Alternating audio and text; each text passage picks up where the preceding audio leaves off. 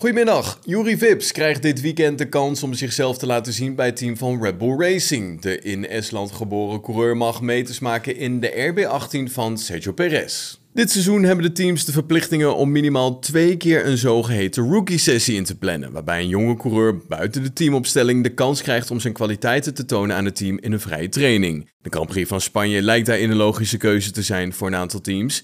Het is door de wintertesten voor veel coureurs al bekend terrein en dus is het verder niet nodig om het circuit te verkennen. Ja, Williams maakt al eerder bekend dat men Nick de Vries het komend weekend de kans geeft om zijn kunsten te vertonen. Hij vervangt daarvoor de eerste vrije training Alexander Albon. Voor Alfa Romeo rijdt dit weekend de eerste vrije training de 37-jarige Kubica of Kubica.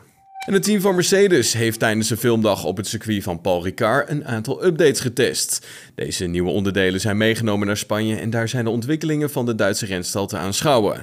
De W13 lijkt te beschikken over een nieuwe vloer. Nou, of het daadwerkelijk tijdwinst oplevert, dat zal tijdens het raceweekend in Barcelona te zien zijn.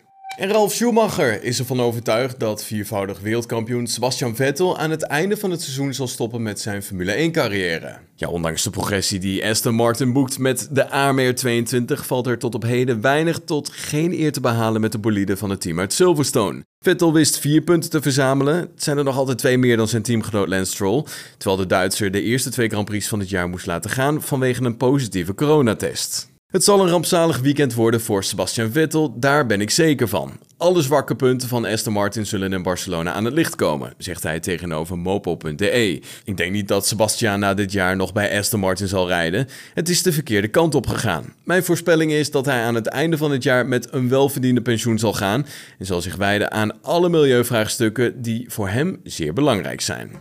Pakken we nog even de tijdenschema erbij. Morgen om 2 uur is het tijd voor de eerste vrije training met onder andere dus Jury Vips en Nick de Vries. En om 5 uur is het tijd voor de tweede oefensessie. Op zaterdag 21 mei mogen de coureurs om 1 uur nog één keer de baan op ter voorbereiding, waarna het om 4 uur tijd is voor de kwalificatie. De Grand Prix van Spanje wordt op zondag 22 mei om 3 uur in de middag verreden.